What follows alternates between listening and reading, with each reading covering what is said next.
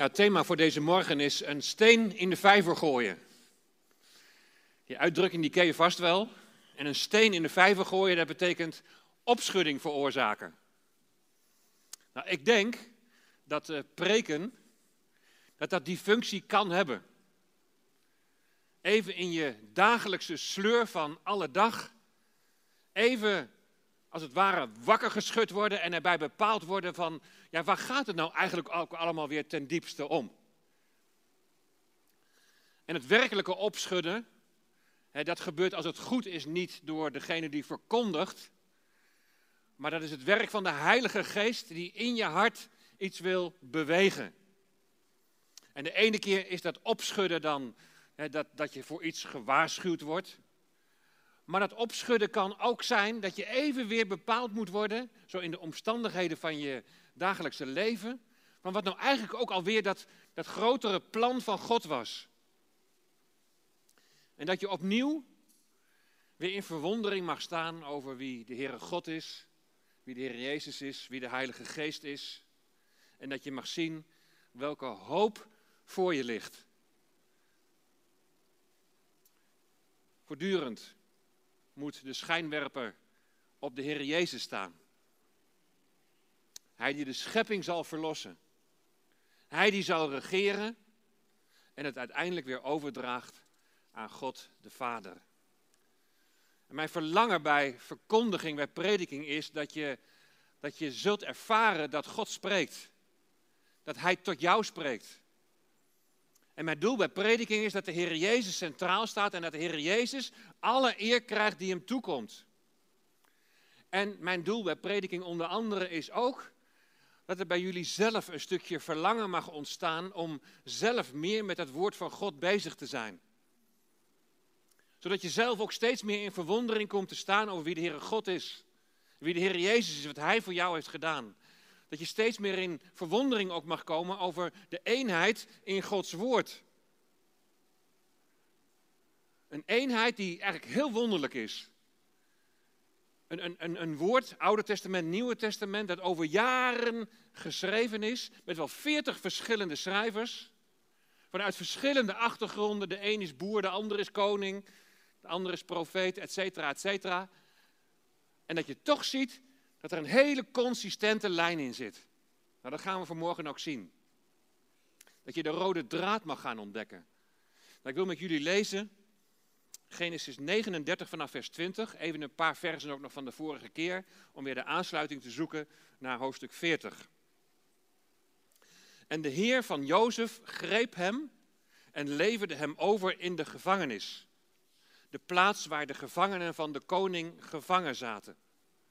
En zo zat Jozef daar in de gevangenis. Hij was vals beschuldigd dat hij uh, de vrouw van zijn baas onheus zou hebben bejegend.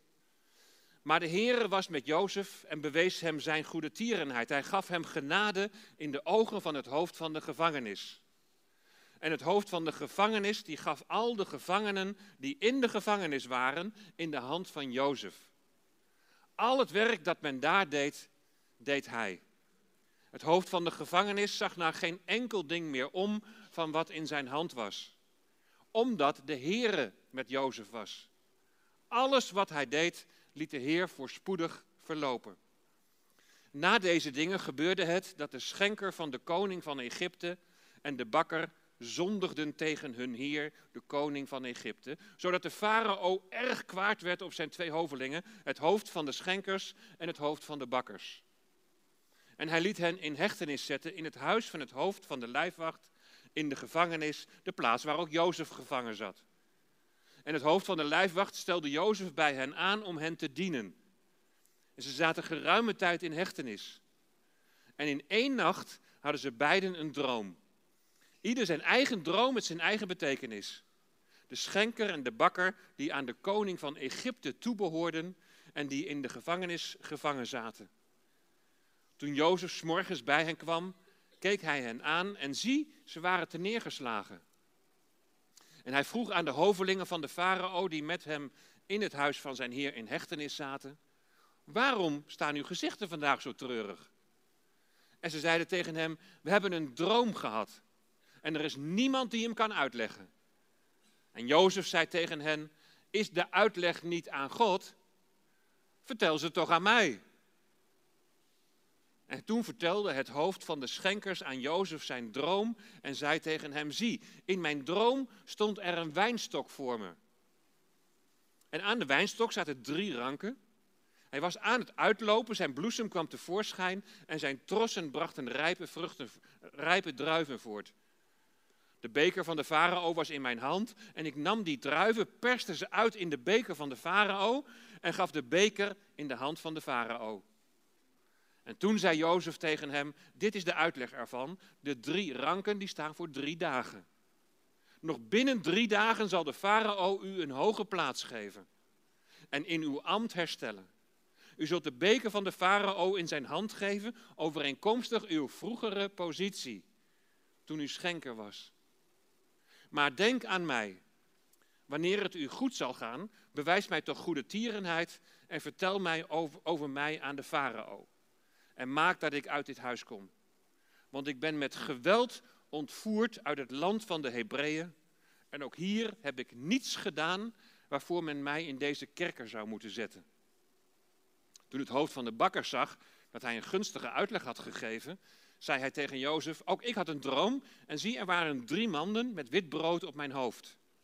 In de bovenste mand zat allerlei voedsel voor de farao, het werk van een bakker. Maar de vogels aten ervan uit de mand bovenop mijn hoofd. Toen antwoordde Jozef en zei, dit is de uitleg ervan. De drie manden betekenen drie dagen. Nog binnen drie dagen zal de farao u een hoge plaats geven.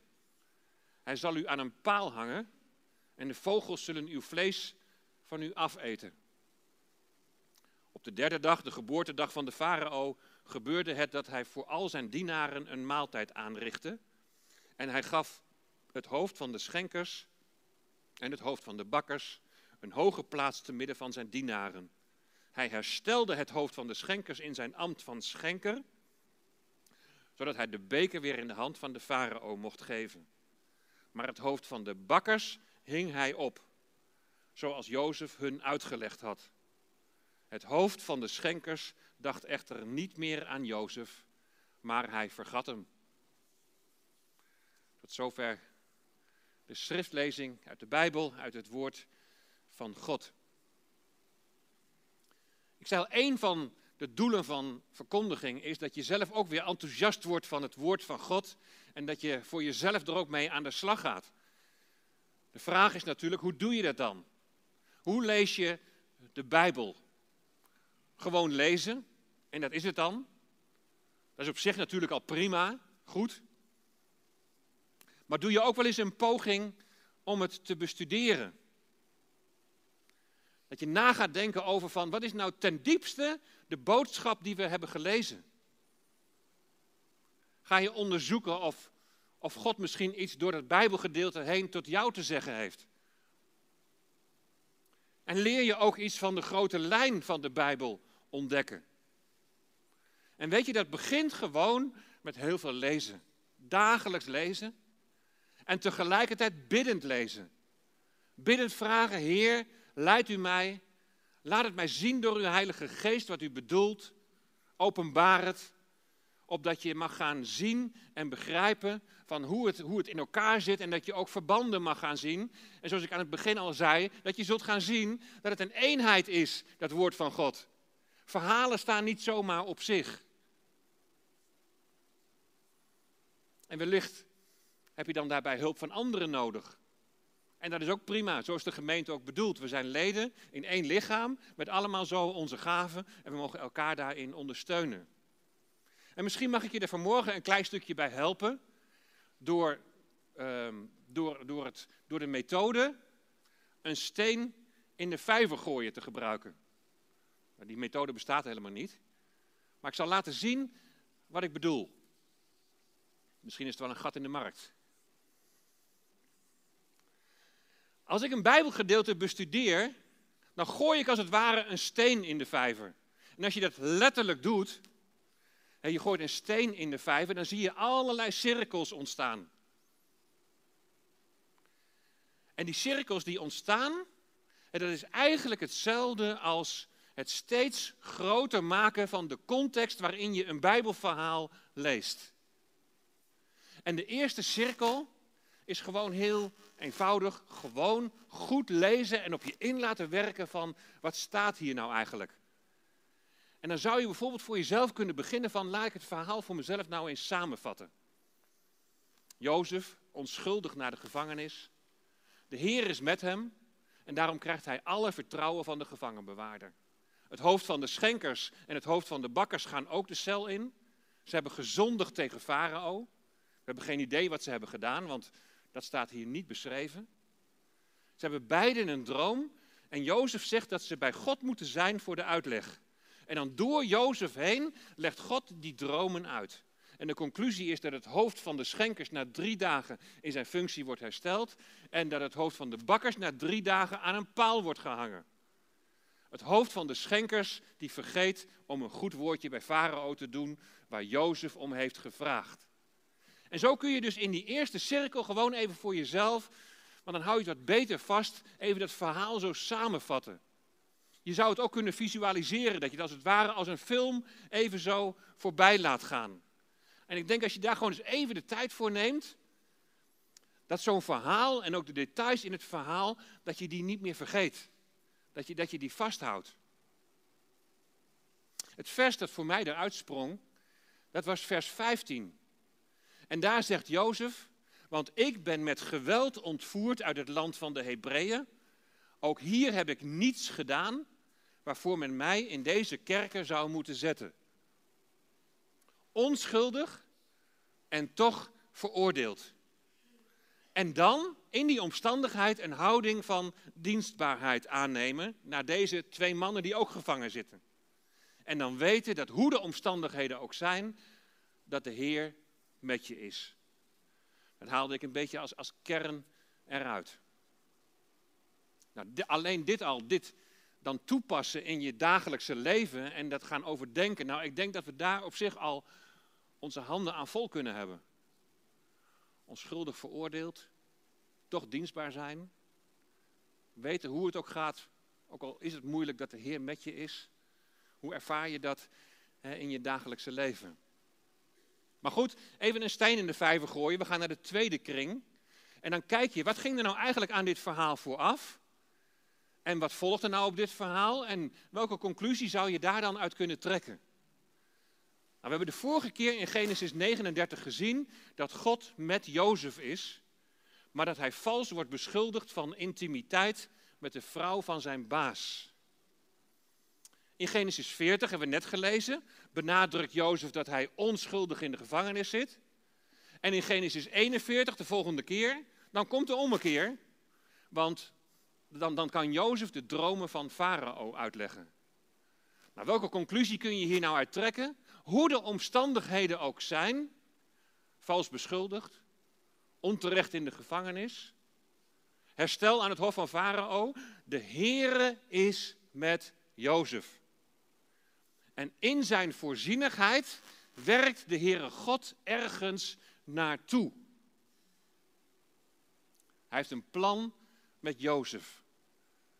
Waarbij Jozef soms door diepe dalen moet gaan, in omstandigheden terechtkomt die je niet begrijpt, ook misschien wel heel herkenbaar in je eigen leven, maar toch het weten van, maar, wacht even, er is iets groters. Hij werkt ergens naartoe. En wat is dat plan? Nou, we moeten nog een paar kringen afwerken. We zijn er nog niet. Een steen in de vijver gooien. De derde kring, dat is het totale verhaal van Jozef. wij weten nu het hele verhaal. En waar werkt de Heere God dan naartoe? Door Jozef is er uiteindelijk redding voor Egypte, voor de wereld en voor vader Jacob en zijn twaalf broers. Hij is de redder als de hongersnood aanbreekt. Nou is de vraag, moet je dit plan, of deze uitwerking, moet je dat misschien in een groter verband zien? Daarom gaan we naar de volgende kring. Een steen in de vijver. Nou, je zult nog maar niet in de Bijbel gelezen hebben of hem niet kennen. Vanmorgen gaan we de hele Bijbel door. En je ziet in één keer, hoop ik, zie je die rode draad. Genesis. Het begint met het ontstaan van de wereld. De schepping van de mens. En ik heb die eerste woorden van de Bijbel heb ik al eens een keer behandeld. In het begin schiep God de hemel en de aarde. In het begin schiep God.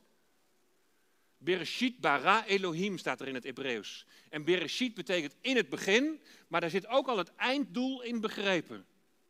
Dus er is een einddoel, God die werkt ergens naartoe. En scheppen, bara, betekent iets tot zijn bestemming brengen. Hij werkt dus eigenlijk ergens naartoe en hij wil deze schepping tot zijn bestemming gaan brengen.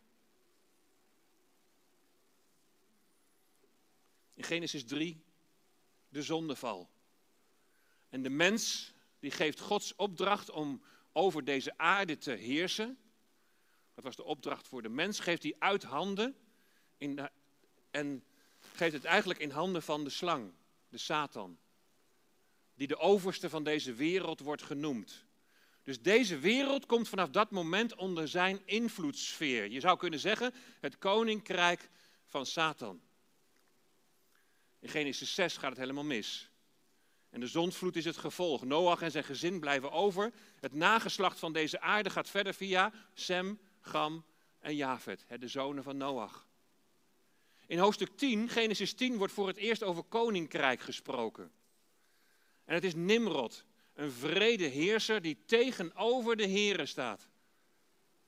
En zijn koninkrijk bestond onder andere uit Babel. Het is het koninkrijk van de heidenen, waarna steeds meer koninkrijken ontstaan. En vanaf hoofdstuk 12 wordt ons verteld over het ontstaan van één volk. Abraham krijgt de belofte dat een groot volk, krijgt de belofte van een groot volk. En in hem zullen alle geslachten van de aardbodem, alle volken van de aarde, zullen gezegend worden. En bij Isaac zien we dat God voorziet in een plaatsvervangend offer. Bij Jacob zien we het menselijke bedrog en Gods trouw.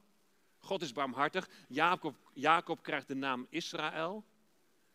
En bij Jozef zien we Gods voorzienigheid. De Heer is met Jozef en gebruikt hem om Jacob en zijn zonen te redden. De toekomstige stamvaders. Het zijn zo individuele namen. Abraham, Isaac, Jacob, Jozef.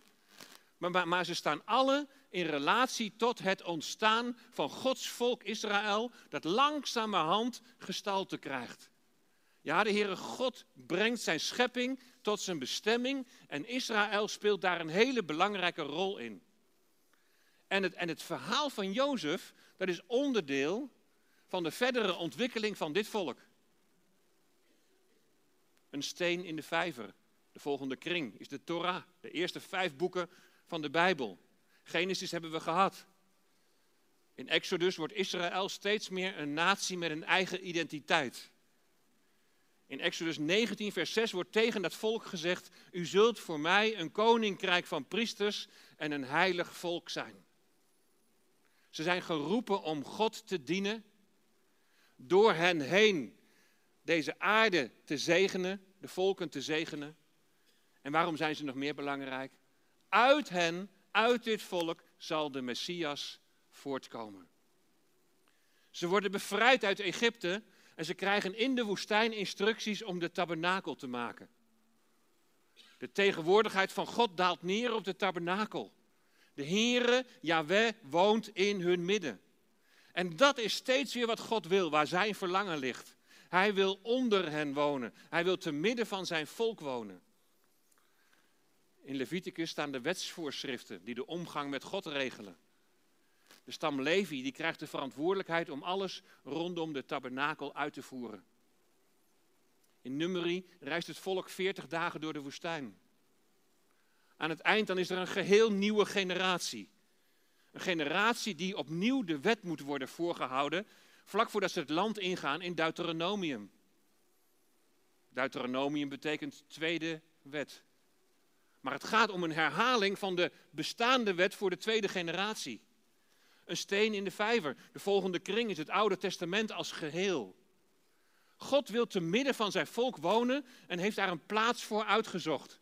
Het beloofde land. En nog specifieker Jeruzalem.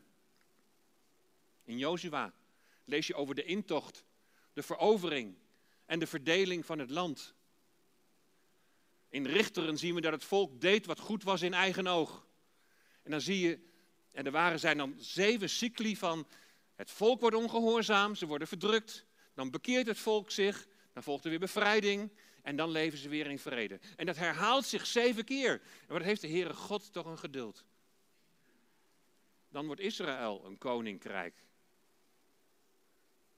We hebben al het koninkrijk van Satan gezien, we hebben het koninkrijk van de heidenen gezien.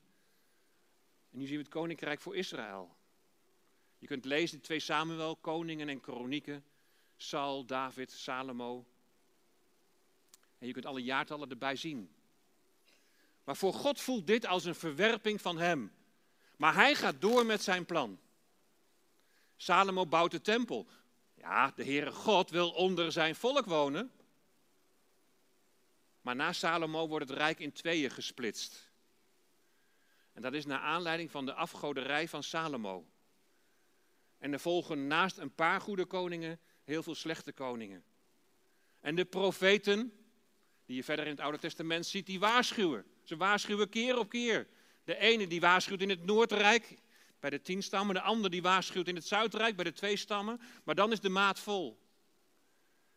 En volgens het principe van zegen en vloek in Deuteronomium 28 wordt het volk weggehaald uit het land. Het Noordrijk wordt weggevoerd naar Assyrië en het Zuidrijk ongeveer 150 jaar later naar Babylonië. Het was een straf van God. En Ezekiel en Daniel die profiteren tijdens die ballingschap en die laten ons al een doorkijkje zien naar de toekomst. De tijd dat de Messias hier zal zijn op aarde. En je ziet dat Daniel, Ezekiel overlappen met het boek Openbaring in het Nieuwe Testament. Een deel van de bevolking keert na 70 jaar terug om Jeruzalem en de tempel te herbouwen. De tijd van Zerubabel, Ezra en Nehemia. De tempel wordt herbouwd. De Heer wil immers onder zijn volk wonen. Helaas is er geen ark in het heilige der heiligen. Een groot deel keert niet terug. Het grootste gedeelte keert niet terug en blijft in Babel. En dan tussen het Oude en het Nieuwe Testament is een periode van 400 jaar stilte. En je ziet daar de verschillende rijken die ook heersten over Israël. Rijken die al voorzegd zijn in Daniel 2. Naar aanleiding van dat beeld van koning Nebukadnezar. Israël is zo'n 100 jaar onafhankelijk geweest en dan, dan zijn ze onder het juk van de Romeinen. En het verlangen naar de Messias, die wordt in die 400 jaar wordt steeds groter en groter, omdat het beloofde herstel en de beloofde bloei die zou komen, die blijft uit. Een steen in de vijver. De volgende kring is het Nieuwe Testament in eenheid met het Oude Testament. Het verhaal gaat namelijk door.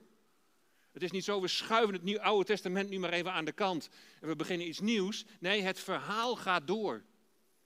De Heer Jezus wordt geboren. De Zoon die laat zien wie de Vader in de hemel is, die komt naar de aarde. Het woord is vlees geworden en hij heeft onder ons gewoond. Daarin zie je weer Gods verlangen om onder zijn volk te wonen. Net als bij de tabernakel, bij de tempel. Hij kwam onder zijn volk wonen in de Heer Jezus Christus. En dan kwam hij allereerst voor, de volk, voor het volk Israël, voor de schapen van het huis van Israël. En de boodschap voor Israël is: bekeert u, want het koninkrijk der hemelen is nabijgekomen. Als het volk zich zou bekeren, dan zou het koninkrijk hier op aarde aanbreken. En dan zou Jezus, de Messias, die zou gaan regeren. Maar dat gaat niet door. De zijnen hebben hem niet aangenomen, maar roepen kruisig hem. En in zijn kruisiging en opstanding verslaat de Heer Jezus de heerser over de dood. Is Satan die de heerser over deze wereld is. Jezus' kruisiging en opstanding heft de verwijdering tussen God en mensen op. zonden worden vergeven. En zij die geloven, die worden getrokken uit de duisternis, weg vanuit onder die eh, invloedssfeer van de Satan, worden ze overgeplaatst in het koninkrijk van de Zoon. Je ontvangt de Heilige Geest en de Heilige Geest komt in je wonen. Onder ons wonen wordt dan in je wonen. Hij komt dichterbij. Het is nog niet een zichtbaar koninkrijk. Maar we scharen ons als gelovigen al onder de regering van de Heer Jezus Christus in ons dagelijks leven. We zijn met Christus verborgen in God.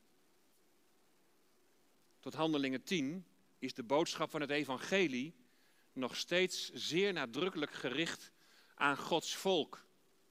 En wordt nog steeds het koninkrijk verkondigd, het evangelie van het koninkrijk.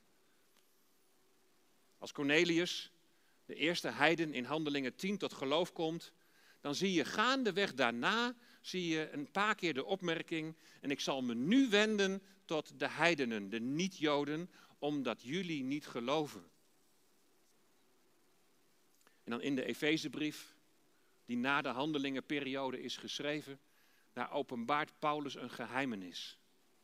En dat geheimenis houdt in dat de Jood en de Heiden die Jezus als Messias beleiden, dat die in één lichaam zijn samengevoegd. En dat ze zo samen in één geest toegang hebben tot de Vader. En dan komen we tot slot in het boek Openbaring. Het boek van de overwinning van het lam. Er komt een tijd van oordelen over deze wereld. Dan komt het koninkrijk van de antichrist, weer een koninkrijk. De alleenheerser die zich in plaats van de Messias stelt. En Israël zal verdrukking, zal benauwdheid ervaren waar God hen inbrengt met het doel dat zij zich zullen bekeren. En dan komt de Heer Jezus om de volkeren te verslaan en Israël te bevrijden. En hij zal zich bekendmaken aan zijn broers naar het vlees. Bij zijn wederkomst zal pas echt de alaya, de terugkeer van de Joden, op gang komen. Ze zullen terugkeren naar het land en de Messias zal regeren. En dat zal het koninkrijk der hemelen zijn. Het beloofde messiaanse duizendjarig vrederijk hier op aarde. Dan zal Israël weer een koninkrijk van priesters zijn. Dat Messiaanse rijk is nog niet het einde. Er komt uiteindelijk een nieuwe hemel en een nieuwe aarde. Een vernieuwde hemel en een vernieuwde aarde waar de Heere God zal regeren. Het koninkrijk van de Vader. Dat kun je dus allemaal lezen in de openbaring. De grote rode lijn door de Bijbel is dat de Heere God deze schepping, deze schepping die in al haar delen op dit moment ook zucht, dat hij deze schepping wil verlossen. Hij wil de boze, de Satan en zijn trawanten voor goed uitbannen. Hij wil de relatie met de mens die is verbroken herstellen. En alsnog door zijn volk heen wil hij deze aarde zegenen. Zo wil hij dat deze aarde, deze schepping, tot zijn bestemming komt. Want dat is immers het doel van zegenen. Hij wil onder ons wonen, in gemeenschap met ons leven, zoals het was in de hof van Eden. Zoals het oorspronkelijk was bedoeld. De rode draad.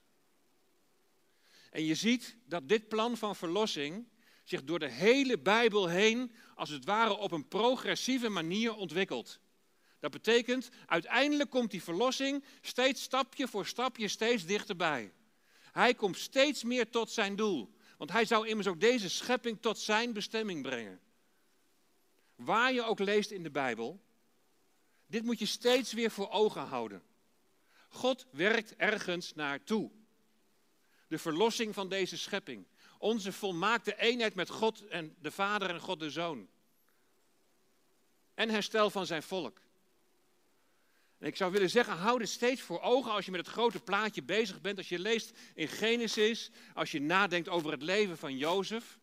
Want na het leven van Jozef is het verhaal niet afgelopen, maar het verhaal gaat door. En het verhaal van Jozef is onderdeel van een groter geheel. God werkt ergens naartoe. Hij zet Jozef daarbij in en daartoe is hij met Jozef. Nou, aan het begin van deze serie over het leven van Jozef heb ik gezegd dat Jozef een type, een voorafschaduwing is van de Heer Jezus. Je kunt veel vergelijken, maar kun je dat zomaar doen? En wat bedoel ik daar dan mee? Weet je, de angst bestaat en die is ook terecht. En dat je misschien van alles zomaar in de tekst gaat lezen wat, wat helemaal niet oorspronkelijk zo is bedoeld. Aan de andere kant is het zo'n rijkdom als je ziet hoe groot de samenhang in de Bijbel is en alles in het teken staat van de verlossing van deze schepping. En dat die verlossing zich op een progressieve manier ontwikkelt. Dan weet je, dan kun je niet ontkennen dat je iedere keer weer dezelfde patronen en dezelfde principes ziet. En dat je onder de indruk komt, tenminste bij mij werkt het wel zo, onder de indruk komt van die eenheid van Gods woord. Maar ook dat Gods woord Gods woord is. Dat mensen geleid door de Heilige Geest deze dingen hebben opgeschreven. Je kunt toch niet ontkennen dat er steeds weer dezelfde patronen en dezelfde principes zijn, waardoor je wordt herinnerd aan dat verlossingsplan dat al begint in Genesis 3, vers 15. Moet je voor jezelf maar eens nalezen, daar, is al een heenwijzing naar de verlossing door de Heer Jezus aan het kruis. En dat in Openbaring 22 helemaal aan het eind uiteindelijk zijn vervulling vindt in een nieuwe hemel en een nieuwe aarde. Nou, waar moet je op letten? En ik heb net in het totaaloverzicht laten zien dat de Heere God ergens naartoe werkt. De verlossing van deze schepping. En wat die verlossing betreft kom je uit bij de Heer Jezus. Daarom zei ik aan het begin, de schijnwerpers moeten op Hem zijn gericht. En in bijbelse personen en gebeurtenissen, maar zelfs in dieren, zie je een type, een voorafschaduwing van, van die verlossing. Denk bij een dier maar aan het lam. Het bloed van het lam dat aan de deurposten werd gestreken in Egypte, dat staat voor de verlossing uit Egypte. Maar het is een type, een voorafschaduwing van het werk van de Heer Jezus aan het kruis. De verlossing van de zonde. Want de Heer Jezus wordt immers ons Pesachlam genoemd. Dus het lam en waarvoor hij wordt gebruikt om te offeren, wijst al voorheen vooruit naar de Heer Jezus. Het lam ter slachting geleid. Nou weet je, typologie is niet een kwestie van 100% vergelijking tot in alle details. Maar je ziet herkenbare patronen. En hoe God steeds weer zijn volk redt en verlost. En dit gezegd hebben, dan ga ik terug naar Genesis 40. En een samenvatting heb ik al gegeven. En ik heb al gezegd dat vers 15 er in eerste instantie voor mij uitsprong. Want ik ben met geweld ontvoerd uit het land van de Hebreeën. En ook hier heb ik iets, niets gedaan waarvoor men mij in deze kerker zou moeten zetten. Je bent onschuldig. En toch word je veroordeeld. Veroordeeld tot de gevangenis. Het lijkt me zo ontzettend frustrerend. Er wordt je onrecht aangedaan en je kunt je niet verdedigen. Jozef is hier slachtoffer van seksueel grensoverschrijdend gedrag. Maar hij wordt hier als dader aangewezen. Nou, we hebben afgelopen weken kunnen zien dat vrouwen die slachtoffer zijn van grensoverschrijdend gedrag, dat zij vaak zwijgen omdat ze bang zijn voor de reactie uit hun omgeving. Of omdat ze zich schamen. Omdat ze zichzelf ook vaak schuld aanpraten in die situatie. Het slachtoffer gaat bijna denken dader te zijn. Maar dat is natuurlijk de totaal omgekeerde wereld. Jozef zwijgt niet. Hij is slachtoffer, punt uit. En hij deelt met de twee mannen die een droom hebben gehad, deelt hij dat. Jozef werd onschuldig gevangen gezet. Hij is dader. Hij is slachtoffer. Als je nu op de tijdlijn van de verlossing even vooruitspoelt, dan zie je in dit opzicht een vergelijk met de Heer Jezus. Ook onschuldig veroordeeld en gevangen gezet. Maar het diende bij hem en ook bij Jozef diende het uiteindelijk een hoger doel. En van Jozef weten we niet of hij wel in de gaten had wat dat hogere doel was. Hij zal niet geweten hebben dat hij onderkoning zou worden, maar wellicht had hij in zijn achterhoofd toch nog wel de dromen die hij had gedroomd en die hij met zijn broers had gedeeld. Dat ze voor hem zouden buigen. lijden ondergaan. De Heer Jezus, Jozef. Maar het heeft een hoger doel. Uiteindelijk, wat is dat hogere doel? De redding van zijn volk. En Jozef wordt dan aangesteld om het hoofd van de schenkers en het hoofd van de bakkers te dienen. En als ze beiden in dezelfde nacht dromen, dan zijn, de volgende, zijn ze de volgende morgen te neergeslagen. En Jozef die merkt dat op. En dat vind ik zo mooi. Je hebt genoeg aan je hoofd met je eigen problemen en frustraties. En toch zie je die nood van de ander. Ik ken ook iemand in de gemeente die de handen vol aan zichzelf heeft, maar die altijd alert is op hoe het met ons gaat en die de signalen haarfijn oppakt. Mooi is dat. Jozef merkt op dat hun gezichten treurig staan. Hé, hey, wat is er aan de hand? Hé, hey, hoe gaat het met je? Kan ik iets voor je doen? Je zou in zo'n gevangenis kunnen denken, nou ja, zoek het maar uit met die dromen. Maar zo zit Jozef blijkbaar niet in elkaar. Ze hebben allebei een droom gehad en niemand kan de droom uitleggen. En dan moet je bij God zijn, zegt Jozef. Maar direct erachteraan zegt hij, maar vertel ze aan mij. Met andere woorden, als je naar mij toe komt, dat staat gelijk aan dat je naar God toe komt. Niet dat Jozef zo hoogmoedig is dat hij zichzelf aan God gelijk stelt, maar hij leeft met God. En God is met hem, hebben we al een paar keer gelezen. Met hem wandelen, op hem vertrouwen, hem vragen, openbaart u mij uw wil. Biddend Bijbel lezen, Heer, alstublieft, laat u het zien. En het hoofd van de schenkers heeft het volgende gedroomd. Een wijnstok met drie ranken, de ranken lopen uit, de bloesem komt tevoorschijn, de trossen brachten rijpe vruchten voort. De beker van de farao is in zijn hand. Hij perst de druiven uit in de beker en hij gaf de beker in de handen van farao. En die uitleg is kort en bondig. Drie ranken is drie dagen. Na drie dagen zal hij in zijn vroegere positie worden hersteld. De droom van de hoofd van de bakkers. Drie manden met wit brood op zijn hoofd. Bovenste mand allerlei voedsel van de bakker voor de farao. De vogels aten ervan. En de uitleg is kort en bondig. Drie manden is drie dagen. En de farao zal u aan een paal hangen. En de vogels zullen uw vlees van u afeten. Kunnen we nu of mogen we nu meer uit deze droom halen dan de uitleg die Jozef heeft gegeven? Maar in principe niet. Het staat zoals het er staat.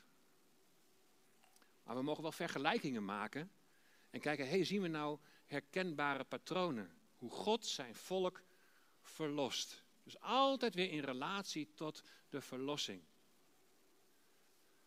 Nou, als we verder in de Bijbel gaan lezen, dan, dan zien we dat brood en wijn een rol spelen bij de verlossing van Israël. Het hoofd van de schenkers droomt over een wijnstok. Israël wordt in de Bijbel vergeleken met een wijnstok. Lees maar eens in Jesaja 5. Juda, het Zuidrijk, wordt daar vergeleken met een wijnstok.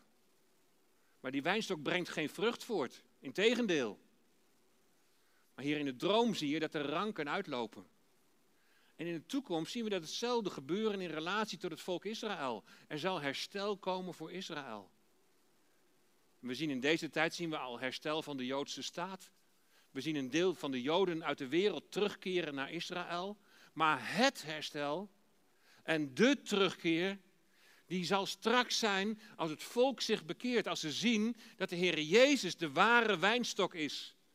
En dat zij de ranken zijn, Johannes 15. En dat zullen ze zien als Hij komt. En zoals hier de wijnstok tot bloei komt en de schenken weer in zijn functie wordt hersteld. Zo zien we dat herstel ook bij Gods volk. Zo zal Israël tot bloei komen en zullen ze weer in hun functie worden hersteld als priestervolk. Vergelijkingen, we zien, we zien zelfde patronen. Als we verder kijken op de lijn van de verlossing, zien we ook vergelijk met de Heer Jezus. En dat ligt natuurlijk heel erg voor de hand met brood en wijn. Wat we zo meteen ook met elkaar zullen nemen. Ik kreeg een mooi liedje toegestuurd ter voorbereiding op deze preek. En het liedje, daar zongen ze onder andere, onze timmerman, natuurlijk verwijzend naar de Heer Jezus, onze timmerman is schenker en bakker in één. Ik vond het mooi gevonden. De Heer Jezus is de ware wijnstok. Hij is het brood uit de hemel dat is neergedaald. Hij is de schenker en de bakker in één. Hij is net als het hoofd van de bakkers, is hij aan een paal gehangen. En hij is als het hoofd van de schenkers verhoogd. En weer in ere hersteld, verhoogd, gezeten aan de rechterhand van de Vader. Bij de viering van het avondmaal, wat we zo meteen ook zullen doen, heb ik vaker gezegd dat het brood ons bepaalt bij het lichaam. Bij Jezus lichaam, het lichaam dat gekruisigd werd. En dat bloed het teken is van leven. Jezus opstanding. Ik vind het adembenemend hoe in dit boek God zichzelf openbaart en hoe hij laat zien wat het einddoel is en hoe hij daar stapje voor stapje naartoe werkt. En dat je onderweg steeds weer dezelfde vergelijkbare principes ziet. Weet je, ik wou dat ik een van de Emmausgangers was geweest. Dat de Heer Jezus zo rechtstreeks zou uitleggen alles wat op hem betrekking had in het Oude Testament, in de Tenach. En lieve mensen, zoals de Heere God Jozef gebruikte, zo zijn ook wij onderdeel in het verlossingsplan van de Heer Jezus. Over bergen en doordalen. Maar de Heere is met ons, zoals Hij was met Jozef. Richt je hart, richt je oog op de Heer Jezus.